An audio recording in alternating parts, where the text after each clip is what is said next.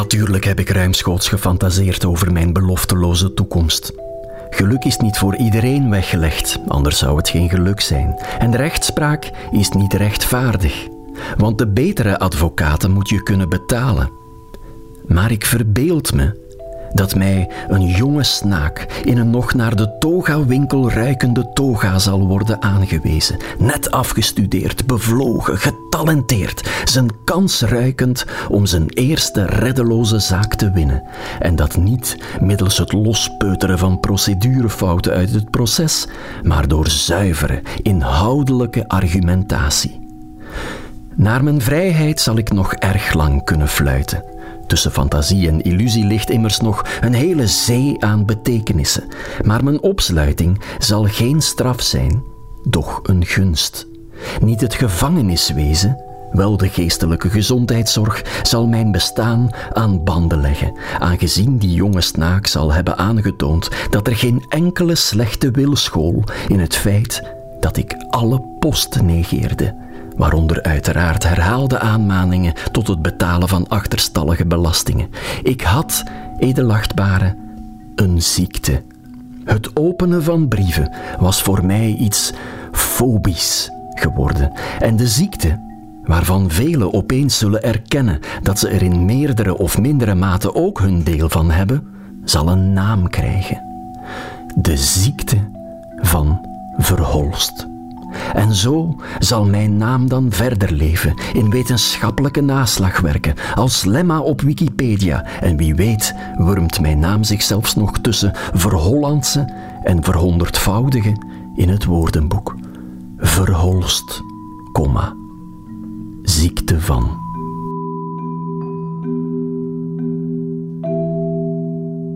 Een stukje is dat uit het jongste boek van Dimitri Verhulst, In Weerwil van de Woorden gaat over een man, Paul Verholst, die zo'n grote angst heeft voor de post en welk slecht nieuws al die enveloppen zouden kunnen onthullen, dat hij zijn post gewoon niet meer opent en dat de brieven zich opstapelen, met alle gevolgen van dien. Klinkt als een zot verzinseltje van de auteur, maar ik kan je garanderen dat dat echt bestaat en dat hier meer mensen last van hebben dan je zou denken angst voor de post. Daar gaat deze podcast over. Welkom in de wereld van Sophie.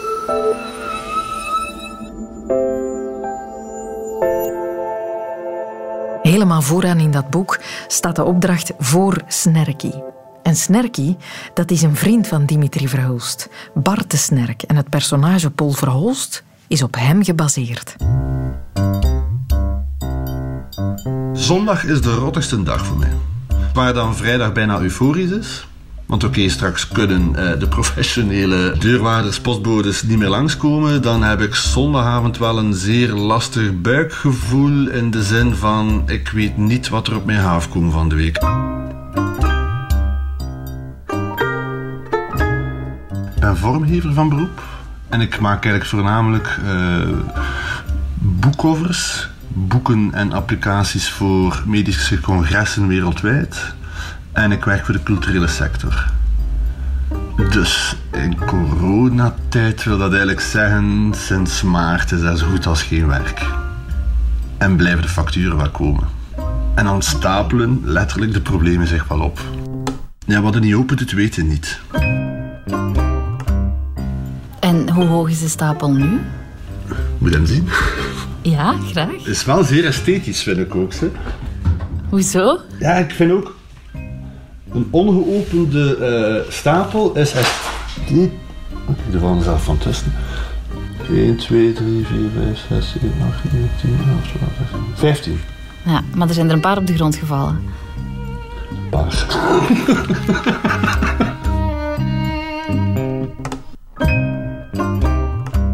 Ben je ook echt bang van de postbode die komt? Ja, maar ik heb daar zelfs een speciale bel voor geïnstalleerd dat ik perfect weet wie dat er aan de deur staat. Hoezo? Mijn cameraatje, dat ik kan zien wie, wie dat ervoor staat. Ik kan dan eigenlijk zien hier van, van op kantoor dat de postbode er is met een pakje. Of dat het een, eh, een, een af te tekenen brief is die ik moet ontvangen. En als er iemand is met een af te tekenen brief? Ben ik niet thuis. En dan? Mag ik dat gaan ophalen in het postkantoor? Ik weet het, het, is echt... Ja, het is sterker dan mijzelf, ik kan er niet aan doen. Hou je de postbode dan ook echt in de gaten? Ik weet perfect dat hij komt om 9.27 uur. Met fiets. Het vervelende is dat er hier nogal een redelijk roulement zit in gezichten. Dus het is altijd wel iemand anders. Maar ik woon op de grens van een andere gemeente. En dat kan soms wel voor uh, hilariteit zorgen zijnde. We zijn het eerste huis van Hembrugge.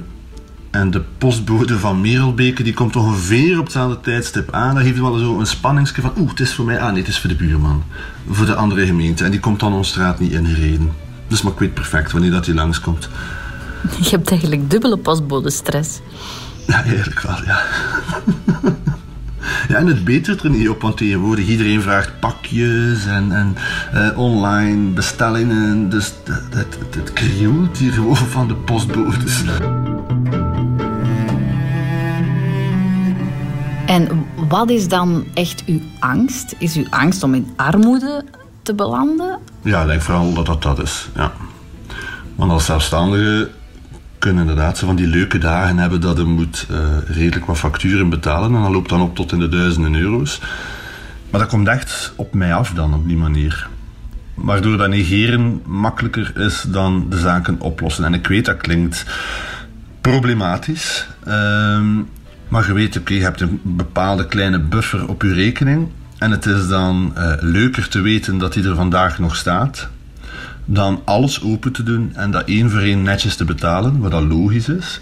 Uh, maar als je weet dat er aan de andere kant niks meer binnenkomt, dan de enige controle die je hebt is ervoor zorgen dat er ook niks meer buiten gaat. Maar goed, ik maak mijzelf daarin iets wijs. Dat is allemaal tijdelijk en dat wordt op den duur een heel groot probleem. Want een klein factuurtje wordt groot. Er komen aanmaningskosten bij, er komen uh, advocatenkosten bij, deurwaarderkosten bij. Um, en dan nog, ja, nee, laat ik het voor wat dat is. Het is, het is ja, misschien moet ik er wel een keer over gaan babbelen met iemand, want het is echt wat problematisch.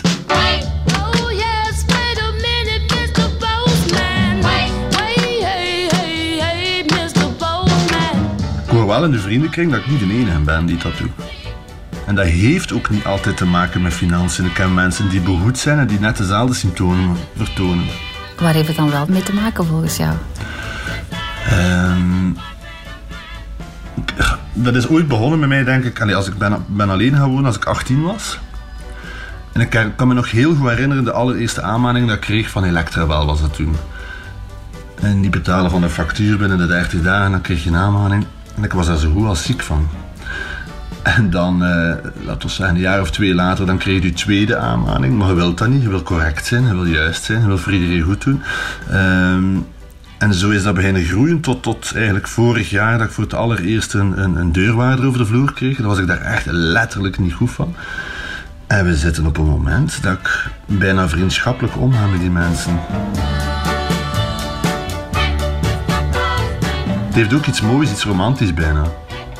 Ja, die man, die man spreekt mij aan met mijn voornaam. Die is best vriendelijk. Die, die, die uh, kalmeert mij. Uh, twee weken terug kwam hij een brief brengen waarin dat stond dat ze bij een auto gingen um, in beslag nemen of komen optakelen voor een openbare verkoop, omdat er nog een aantal facturen niet betaald waren. En we hadden gewoon een goed gesprek. Dus die angst voor, voor die deurwaarde die is volledig weg. Oei, maar dan gaat je helemaal uw facturen niet betalen. Die daar heb ik ze wel betaald. Dus de auto heb ik nog, is niet opgetakeld geweest. Maar het is frappant, ik weet het, ja. Maar het is niet dat je het niet kan betalen. Het zit er soms wat tussen. Kan ik het betalen? De meeste wel. Maar er zijn ook een aantal grote waarbij dat problematisch zou worden. Of dat mijn buffer zodanig klein zou worden dat ik er een heel slecht gevoel zou over krijgen. Waardoor dat ik eigenlijk eerder geneigd ben van die netjes opzij te leggen. Dan weet ik nog in mijn hoofd van oké, ongeveer staat nu op de rekening dit of dat. Ja, het is, het is echt gek.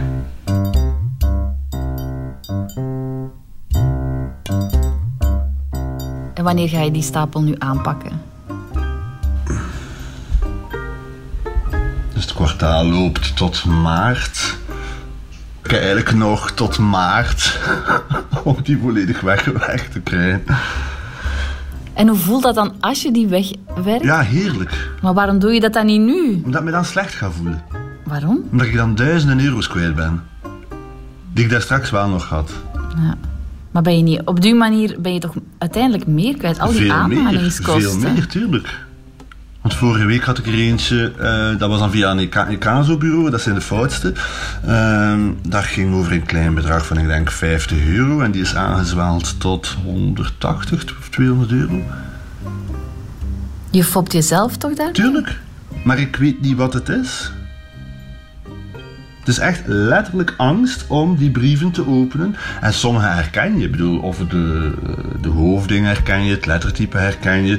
Dus dat voorbeeldje van die van 50, die had ik perfect er kunnen uithalen en betalen. Dus je kunt nog inderdaad redeneren van, oké, ietsje van 15.000 kan problematisch zijn.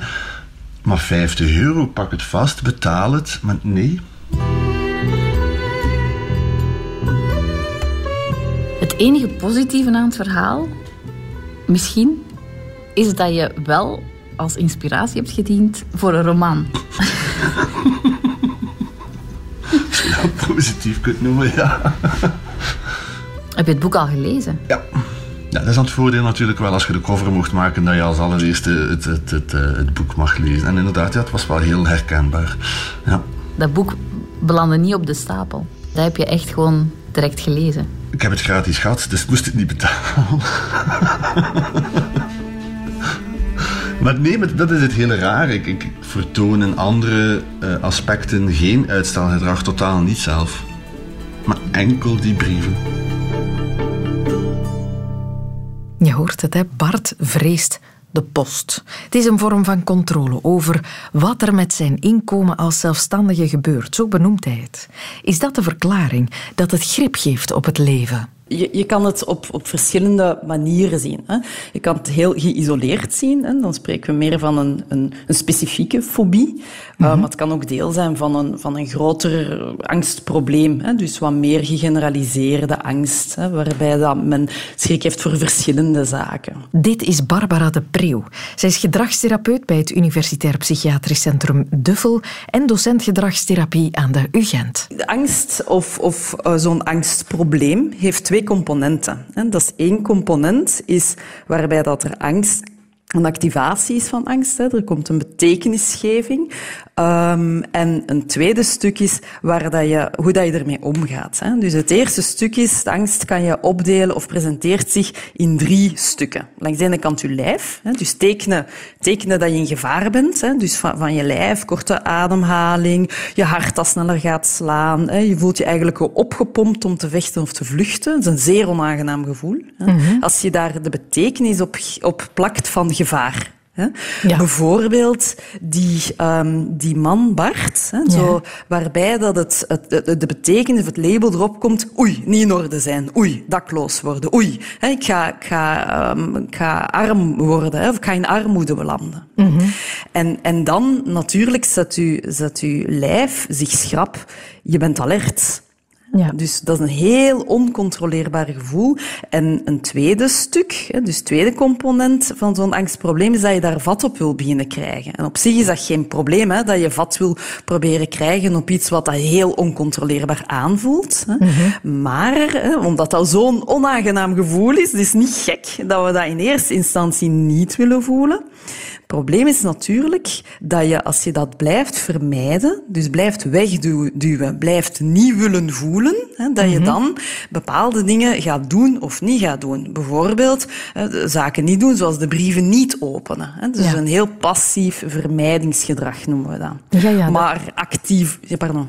Nee, zo horen we Bart zijn postangst ook beschrijven. Hè.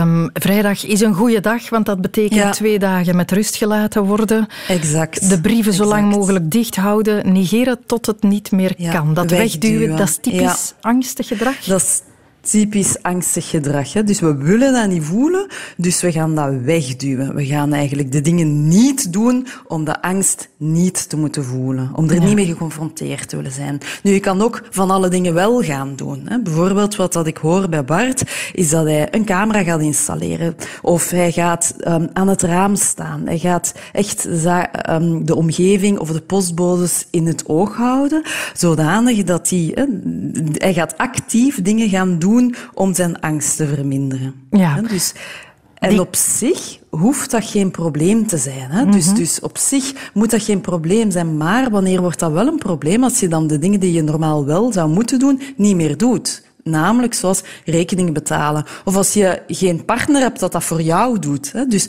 ik denk dat er heel veel mensen met dergelijke angstproblematiek kunnen leven als de omgeving zich daarnaar accommodeert of aanpast. Hè. Als jij een lieve partner hebt of, of een, een goed sociaal netwerk dat het stukje voor jou mee opneemt, dan hoeft dat niet noodzakelijk een probleem te zijn. En dan kan die angst ook hele lange tijd blijven, blijven bestaan zonder dat je er echt last van hebt. Ja. Dus wat dat je doet door te vermijden, is eigenlijk altijd de boodschap sturen naar je hersens. Oef, het gevaar is geweten. Ik heb geweken. het in de hand. Ik heb het onder controle.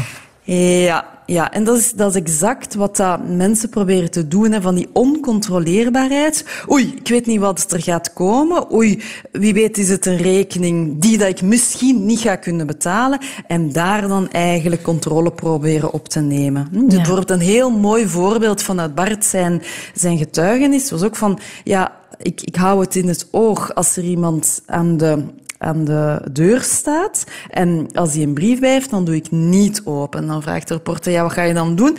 Ja, dan kan ik die gaan ophalen op het postkantoor. Hè? Dus dan heeft hij controle wanneer dat hij dat gaat doen. Ja, dat is dat. Ja, want die angst, is, dat, is de angst in eerste instantie? Gaat dat over de onzekerheid? Iemand kan mij hier op elk moment met een factuur in mijn nek komen kletsen? Of is de, is de financiële vrees de, de echte vrees? Um, ik denk dat een combinatie van de twee is. De kern van de angst, als ik het bij hem begrijp, maar ik ken hem natuurlijk en ik heb ook niet met hem gesproken, maar de kern van de angst is inderdaad armoede of, um, of um, in, in armoede belanden. Maar de oncontroleerbaarheid is wel een heel belangrijke factor erbij. En dus mensen die nogal een angstige aard hebben, hebben heel veel nood aan die voorspelbaarheid. En het is natuurlijk echt onvoorspelbaar. Hè. Er kan gelijk wat komen. En dus dan zie je bijvoorbeeld ook dat mensen ja, het, het tijdstip van de postbode in doog gaan houden en, en gaan kijken van oké, welke postbode komt bij mij en welke komt niet bij mij. En hè, of hij geeft aan van het is, het is telkens een ander en dat is heel vervelend, hè? want hij wil voorspelbaarheid creëren. Want als ik voorspelbaarheid heb, dan kan ik ja, mij daarnaar accommoderen of, of daarnaar handelen. Dan kan ik zelf kiezen wat dat ik doe of niet doe. Ja. En op korte termijn kiest hij er op dit moment voor om, om, om het, het onaangename gevoel niet te moeten voelen. Hè? Want het is ook echt wel heel onaangenaam als je, als je daar last van hebt. Hè? En, en dus als je het dan kan vermijden, dan geeft het ook een soort opluchting. Oef, een positief gevoel. Ja, voor korte tijd ver-. Ja, ja, voor korte tijd, absoluut. Maar niet te onderschatten hoe krachtig dat dat is. Dus, dus dat is heel bekrachtigend, die vermijding. Ja. En Het daardoor... voedt je angst, echt. Ja, ja, ja. De deurwaarder, dat is boeiend in zijn verhaal, slaagt er wel op een of andere manier een deel van die angst weg te nemen. Eh, hij, hij komt daar plots mee overeen. Die worden vrienden, terwijl dat dan toch zijn vijand hoort te zijn. Ja, en, en, en dat is eigenlijk ook dat je ziet, dus um, zo'n deurwaarder, um, hoe, hoe vaker dat die ook komt, ja, dat habitueert na een tijd. Mensen worden er ook wat gewoon aan. En zeker als die man niet al te um, aversief is of niet al te o- onvriendelijk of, of bruut of zo, na verloop van tijd ja, heb je daar dan een vriendelijk contact mee. Je, je hebt geleerd eigenlijk dat die man op zich is niet gevaarlijk. Hè? Die man op zich geeft mij niet dat slechte angstgevoel. En wat dat heel mooi is aan zijn getuigenis, is dat hij ook aangeeft van ja, eh, ik heb er een heel goed gesprek mee gehad en ik heb het daarna betaald. Ja. Dus, dus dat is een heel, dat is, dat is heel anders, zoals hij zegt van ja, de incasso's, dat zijn de, er, de, de, de ergsten of zo, ik weet niet meer hoe dat hij het zegt, hè, maar dus hoe meer dreiging of hoe meer angst dat je um, opwekt op het, op het moment dat de aankondiging komt, bijvoorbeeld de brief. Dus om, als, als dat nog eens met veel, met veel geweld of met veel brute, agressieve woorden of zo zal zijn, gaat het opnieuw een negatieve leerervaring zijn. En dan maakt het erger. Dus dan wil je lijf nog meer vermijden. Dan wil je het mhm. helemaal niet meer voelen. Wil je echt wegkruipen. Betekent dat dat uh, als hij na een, een positief warm contact met de deurwaarder wel gaat betalen, dat dat misschien de kern van de oplossing is? Dat confrontatie ermee en dan merken dat het misschien wel een beetje meevalt, dat dat de oplossing kan zijn? Ja, exact. Dus ik denk dat um, um, om, om hier vanaf te geraken, hè, um, is, is, is heel belangrijk dat je inderdaad de confrontatie aangaat. Maar het is helemaal niet nodig om die confrontatie op een zeer brute manier te gaan doen. Hè. Dat gaat niet helpen. Mhm. Dus wel hè, doelgericht. Bijvoorbeeld, wat is mijn doel? Ik wil mijn, mijn, mijn stapel brieven weggewerkt krijgen. Ja, die confrontatie is, is onontbeerlijk natuurlijk. Hè. Dus, dus dat, dat, denk ik, dat, dat, is het, dat is het belangrijkste. En wat is daar dan nog belangrijk bij, is dat je eigenlijk jezelf toelaat van bang te zijn. Mhm. Ik mag bang zijn. Hè? Het is oké van bang te zijn. Hè? Dus langs de ene kant zicht hebben, wat maakt mij bang? Dat heeft zij. Hè? Ten tweede, ja, waarvoor ben ik dan bang? Hè? Dat, dat weet hij ook, de armoede, oncontroleerbaarheid. En dan jou de vraag stellen, is het echt gevaarlijk als ik deze brief open? Klopt dat wel? Hè? Dus dat je eigenlijk je rationele geest een stuk ook in actie brengt. Ja, ja, ja. Want dat, ehm, het, het is op dit moment irrationeel gedrag, dat geeft hij ook zelf toe. Hè? Ik weet dat, dat ik het beter open en ik doe het toch niet. Absoluut. En dat is heel, heel typisch voor mensen met een specifieke fobie. Een specifieke fobie wil zeggen, ik ben um, irrationeel um, heel erg bang voor iets specifiek, voor een situatie, voor een voorwerp of, of, of zoiets. En ik, onder, ik ondervind er hinder van. Dus dat, zijn, dus dat is eigenlijk een, een specifieke fobie. Dus mensen weten dat het irrationeel is. En toch is de lichamelijke reactie, de angstreactie, is zodanig sterk dat mensen dat absoluut niet willen voelen en dan eigenlijk meer kiezen, zeg ik, tussen aanhalingstekens, voor vermijden. Niet mhm. willen voelen. Ja.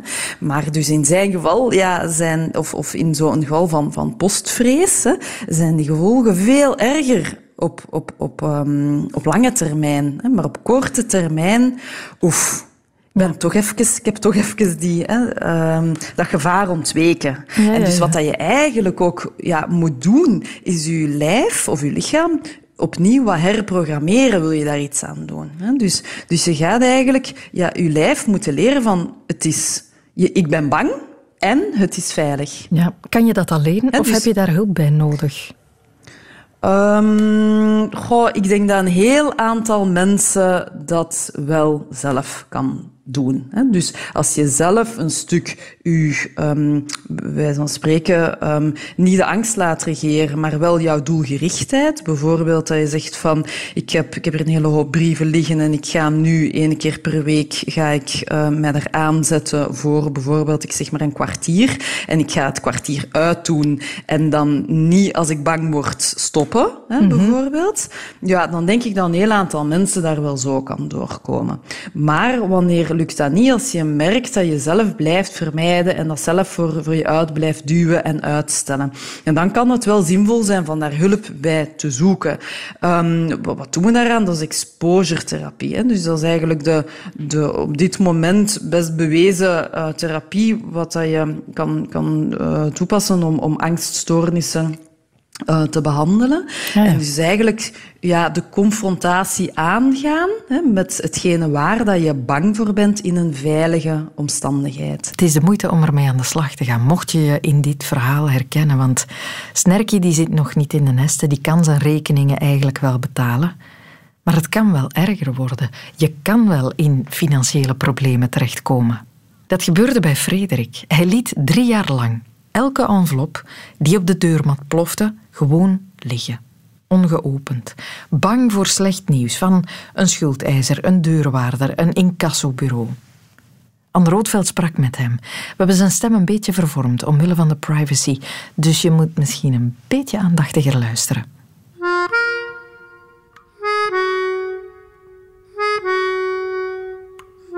Het is eigenlijk heel snel gegaan.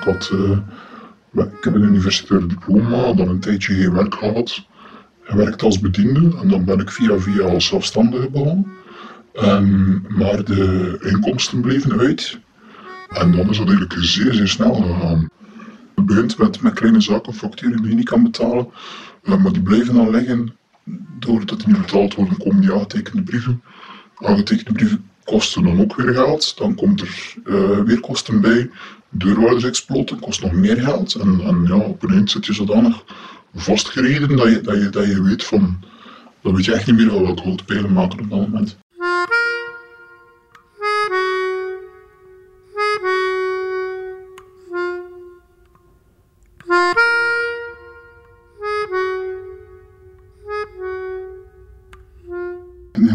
Instantie deed ik gewoon mijn brievenbus niet open. Dus ik, ik zag ook niet ik zag wel dat die stampes vol zat, maar ik deed die gewoon niet open, dus ik zag die niet. En als ik die dan toch eens open deed, dan, dan maakte ik twee stapels. Wat, kan ik nu wel betalen, wat kan ik niet betalen? En wat dat ik niet kon betalen, ja, dat verdween dan in de, in de vergeethoek. Ik, kon, ik kon die toch niet, kon die onmogelijk betalen. Als je nu een afrekening van de belastingen van ettelijke duizenden euro's krijgt, en je hebt geen inkomen, dan, dan, dan weet je dat dat niet, eh, dat dat niet gaat. Hè. Dus die werden dan effectief uit het zicht gelegd. Ik heb uh, periodes gehad dat ik een half jaar, minimum een half jaar, mijn brievenbus niet heb open gedaan. Minimum. Dat, is, dat is mentaal verlammend, dat, dat werkt fysiek op u. Je slaapt ook niet natuurlijk, alleen je slaapt heel slecht al sinds. Ik legde zelfs mijn bel af uh, op een gegeven moment. Uh, omdat ik bang was ja, wie dat er aan de deur ging staan. Hè. Deurwaarders, huisbazen, politie zelfs op een gegeven moment. Als je je huur niet betaalt, dan word je uit je appartement gezet. Als je elektriciteit niet betaalt, dan, dan uh, kunnen ze je afsluiten.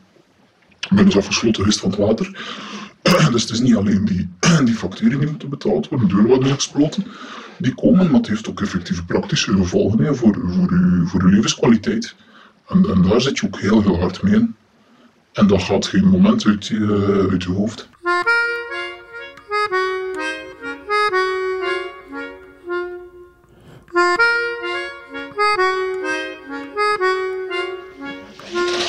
In de, in de weekends was ik, was ik, uh, ik, ik, ik, zag de vrijdag uit naar uh, de vrijdag rond 4 uur, omdat dat wist dan zijn de kantooruren gedaan. Dan kan ik ook geen telefoons meer krijgen van deurwaarders of van advocaten. Uh, de post is geweest, dus het ergste is nu achter de rug. En dan kon ik op die manier toch proberen een klein beetje mijn, mijn gemoedsrust terug te vinden in de weekends.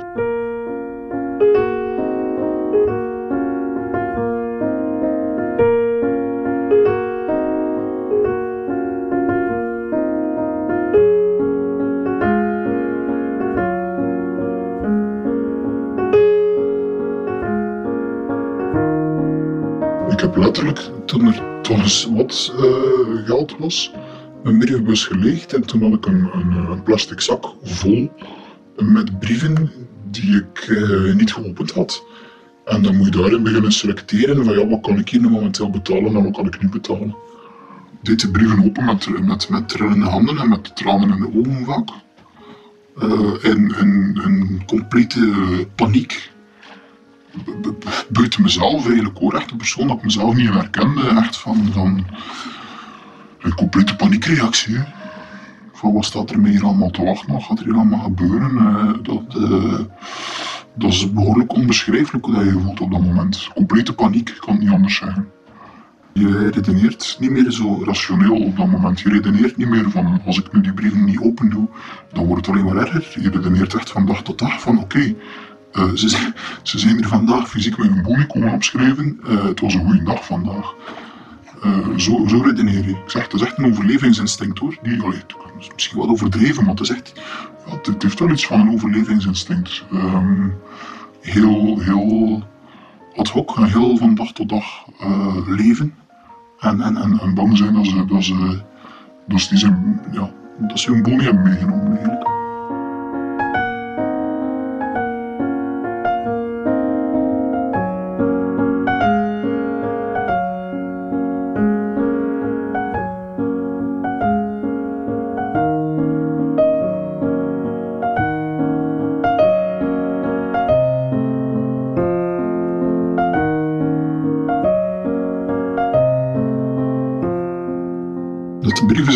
Effectief opstapelden, dat zal een jaar of drie geweest zijn ongeveer. Dat de brieven zich opstapelden, dat ik niets durfde open doen.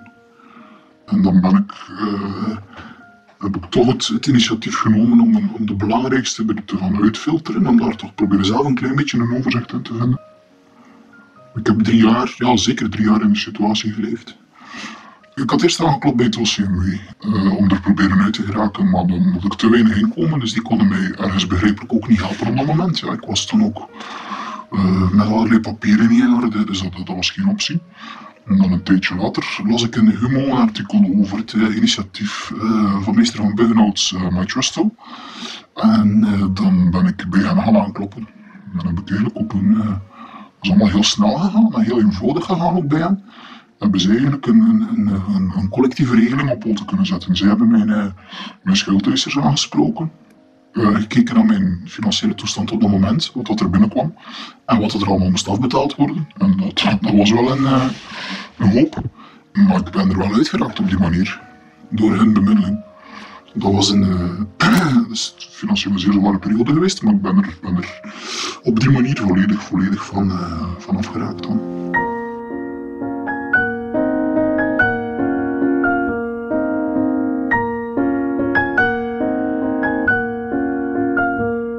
Steeds als er een, een, brief in de bus valt of als de, als de deurbel gaat, dan, dan, uh, dan uh, die, uh, die schrikreactie weer aan. Het is bijna instinctief geworden.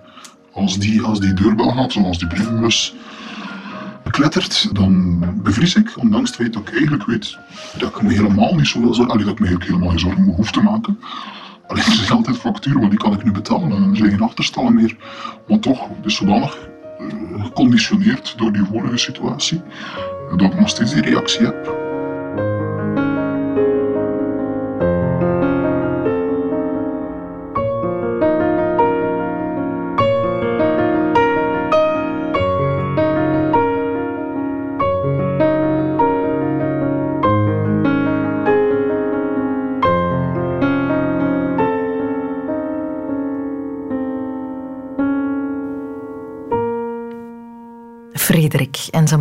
Angst voor wat de post hem zou brengen. Hij raakte eruit, zoals hij zei, met de hulp van My Trust O. Dat is een begeleidingstraject bedacht door gerechtsdeurwaarder Patrick van Buggenhout. Die treedt dan op als een soort bemiddelaar en tolk tussen schuldeiser en schuldenaar. Er bestaan dus mensen die kunnen helpen. Dat kan goed zijn om te weten.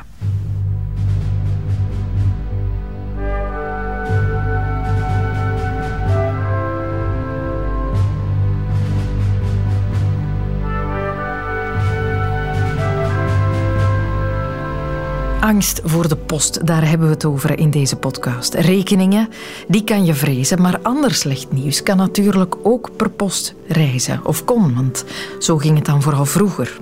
U kent misschien die ene scène uit Saving Private Ryan. Een typiste zit in het kabaal van honderden ratelende tikmachines een brief te typen waarin de legerleiding aan een moeder meldt dat haar zoon is gesneuveld. Ze merkt dan op dat er nog twee zonen gesneuveld zijn. En voilà, de epische zoektocht naar de vierde zoon kan beginnen. Nu, ik wil het eigenlijk niet hebben over Saving Private Ryan, maar wel over die brieven. Duizenden en duizenden moeders en vaders van soldaten moeten in oorlogstijd doodsangsten uitgestaan hebben, elke dag opnieuw, toen ze de postbode zagen naderen. Want hij was het die potentieel het overlijdensbericht van hun kind in zijn postzak mee had. Hoe zagen die brieven eruit? En bestond er toen ook zoiets als postangst onder de wachtende ouders? Bart Bogaert ging praten in het In Flanders Fields Museum in Yper met coördinator Piet Gieles. In zeer veel gevallen is dat dus een gestandaardiseerde boodschap. Ja. Als ik er hier in een toon dan zie je is dat een voorgedrukt formulier waarin eigenlijk alleen I regret to have to inform you that the report has been received from the War Office to the effect that nummer zoveel op 24 maart 1918. Ja, en dat is met stippellijntjes en zo, waar de naam moet komen. En waar de naam moet komen, waar het nummer moet komen. Dus de ontvanger... En de datum moet komen.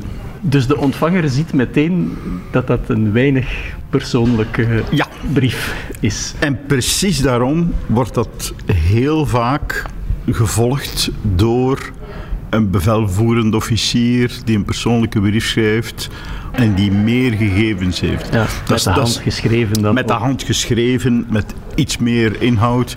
En die inhoud komt er meestal op neer, op, op twee dingen van... heeft niet afgezien, de dood was onmiddellijk. Ja. En uh, terwijl hij omgekomen is, was hij zeer dappere dingen aan het doen. Dus je kent dat soort eufemistisch taalgebruik dat daar dan omheen zit, om dat, ja, die pijn wat te verzachten. Maar er is ook een variant op, een ander type van brieven. En dat zijn eigenlijk afscheidsbrieven. Eén daarvan, en ik ga nooit het moment vergeten dat die mevrouw ongeveer zat waar jij nu zit en, en, en niet meer mee had dan, dan dit hier. Dat was dus een portefeuille met wat muntjes in en een klein zakje waarin zijn paternoster zat. En dan deze brief. En die mevrouw die vroeg mij of ik haar die brief wilde voorlezen omdat mijn papa dat ook altijd deed, zei ze. En, en voordat ik sterf, voordat ik dat hier achterlaat, want mevrouw was al behoorlijk oud, wilde ze dat nog één keer meemaken. Dus wat was het, het, het gegeven? Is dat Hendrik of Henri Nicaas, uit Sint-Amansberg, van zijn officier te horen krijgt. Morgen gaan we een, een raid doen op de Hoeve ter Stille in het ondergelopen gebied. En dat is een gevaarlijke opdracht. Het zou kunnen dat er een aantal onder jullie niet levend gaan terugkeren. En ik zou vragen of jullie allemaal willen een soort afscheidsbrief schrijven. Ja.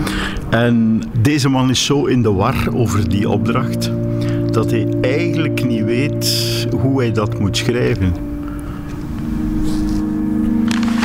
Met een teder hart kom ik u te groeten en zend ik voor de laatste maal mijn vaarwel.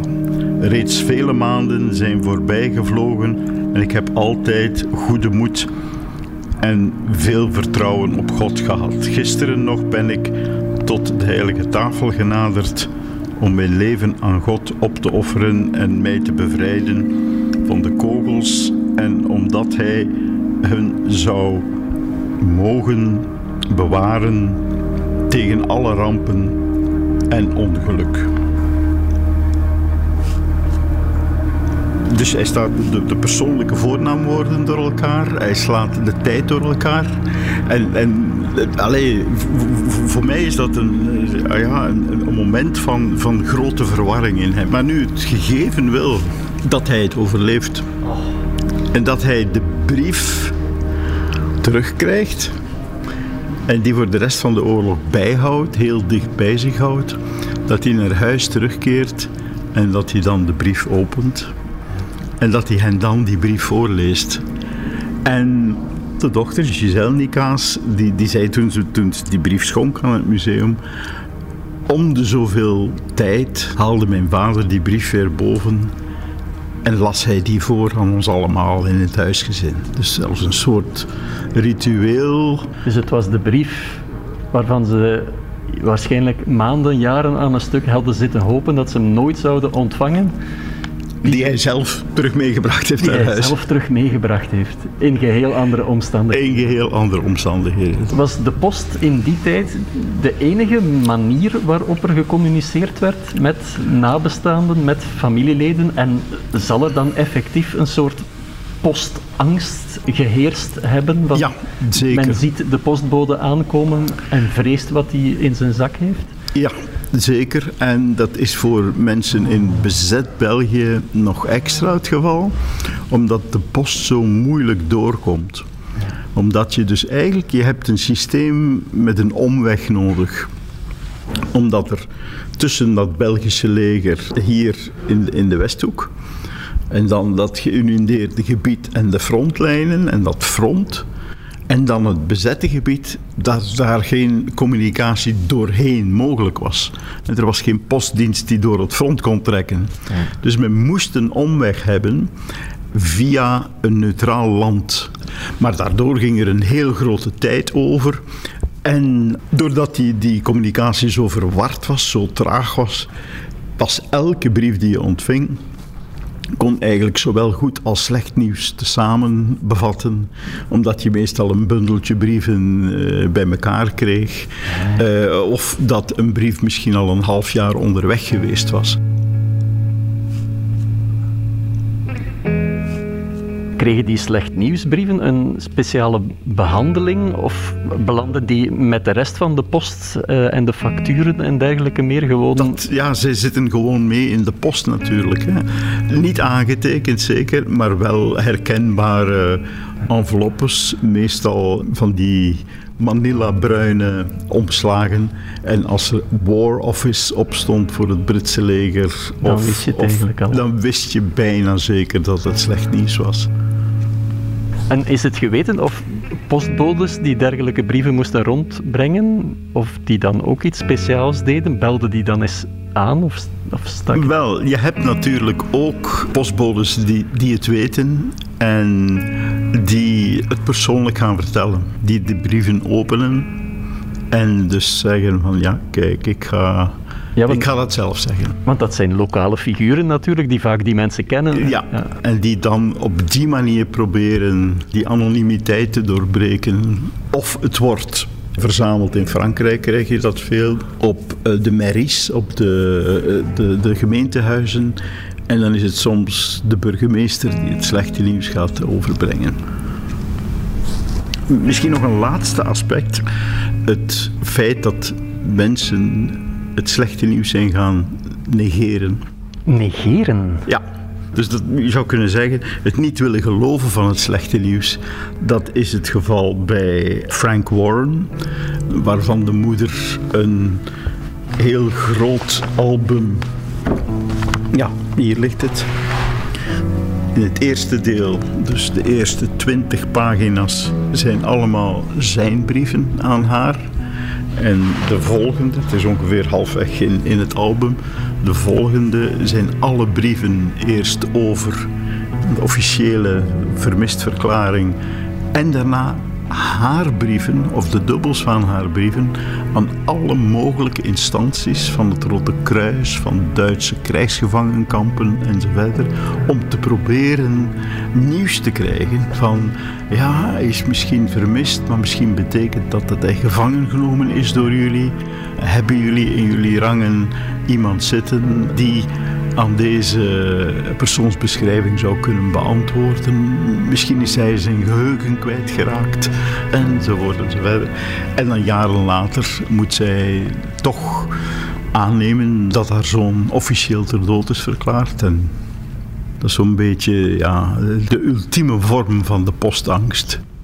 Wart Bogaert bij Piet Gilles in het In Flanders Fields Museum in Yper.